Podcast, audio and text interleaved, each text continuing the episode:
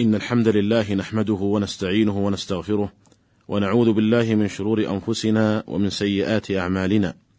من يهده الله فلا مضل له ومن يضلل فلا هادي له. وأشهد أن لا إله إلا الله وحده لا شريك له وأشهد أن محمدا عبده ورسوله. صلى الله عليه وعلى آله وصحبه وسلم تسليما كثيرا. أيها الإخوة المستمعون السلام عليكم ورحمة الله وبركاته. نتحدث معكم في هذه الحلقة عن مسائل من أحكام الإجارة فنقول إن هذا العقد أعني الإجارة يتكرر في حياة الناس وفي تعاملاتهم اليومية والشهرية والسنوية فهو جدير بالتعرف على أحكامه إذ أنه ما من تعامل يجري بين الناس إلا وهو محكوم بشريعة الإسلام وفق ضوابط شرعية ترعى المصالح وترفع المضار.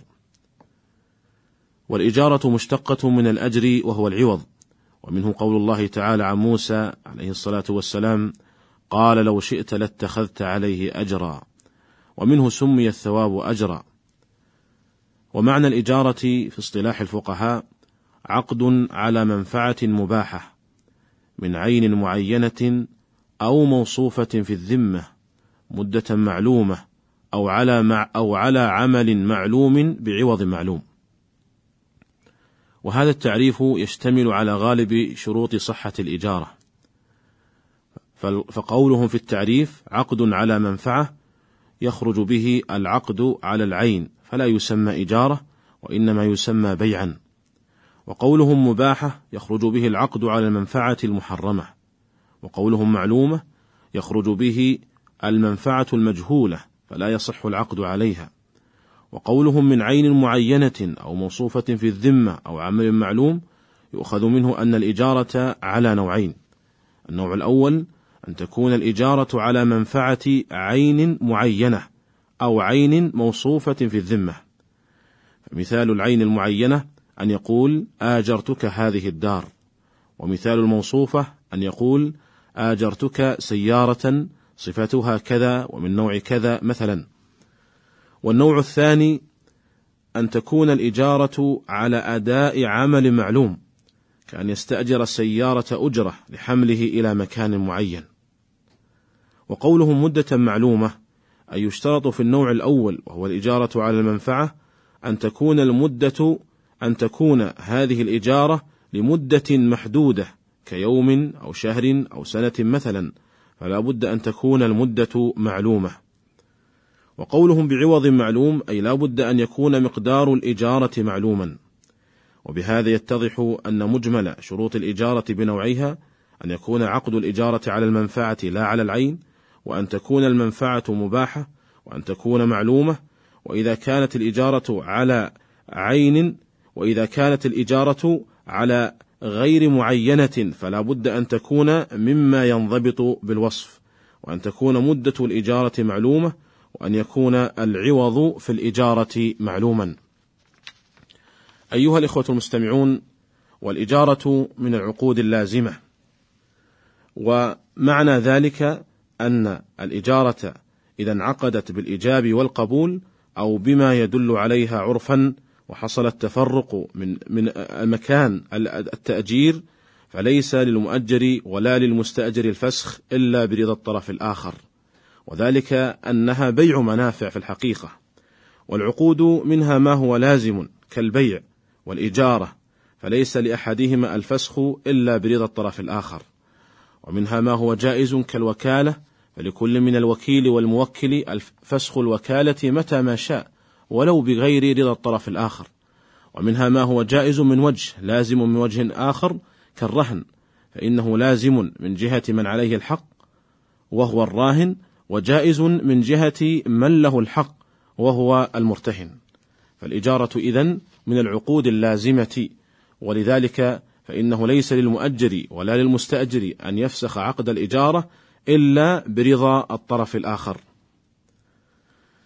أيها الإخوة المستمعون، ويصح العربون في الإجارة، ومعنى العربون هنا دفع جزء من ثمن الأجرة إلى المؤجر، على أنه إن تم عقد الإجارة فهو من الأجرة، وإلا فإنه يكون للمؤجر.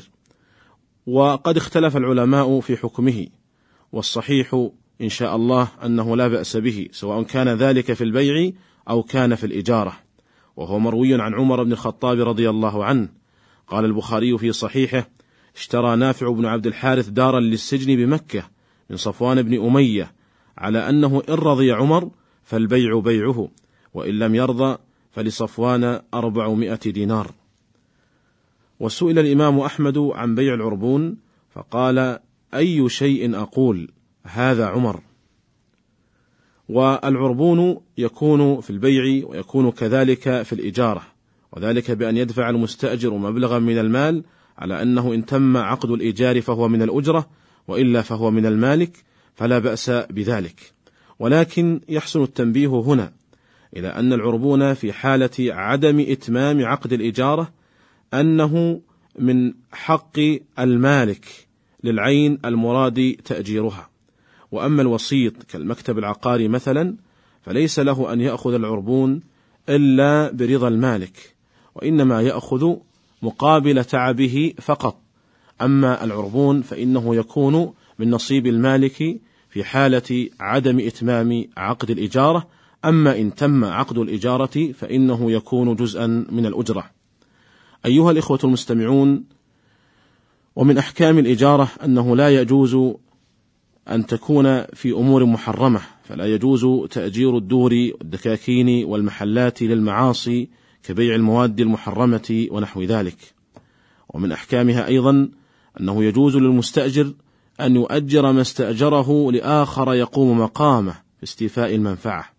وذلك لأنها مملوكة له فجاز له أن يستوفيها بنفسه وبنائبه ولكن بشرط أن يكون المستأجر الثاني مثل المستأجر الأول في استيفاء المنفعة أو دونه لا أكثر منه ضررا كما لو استأجر دارا للسكن فيجوز له أن يؤجرها لغيره ليسكن في تلك الدار ولا يجوز أن يؤجرها لمن يجعل فيها مصنعا أو معملا أو يجعل فيها ورشة ونحو ذلك.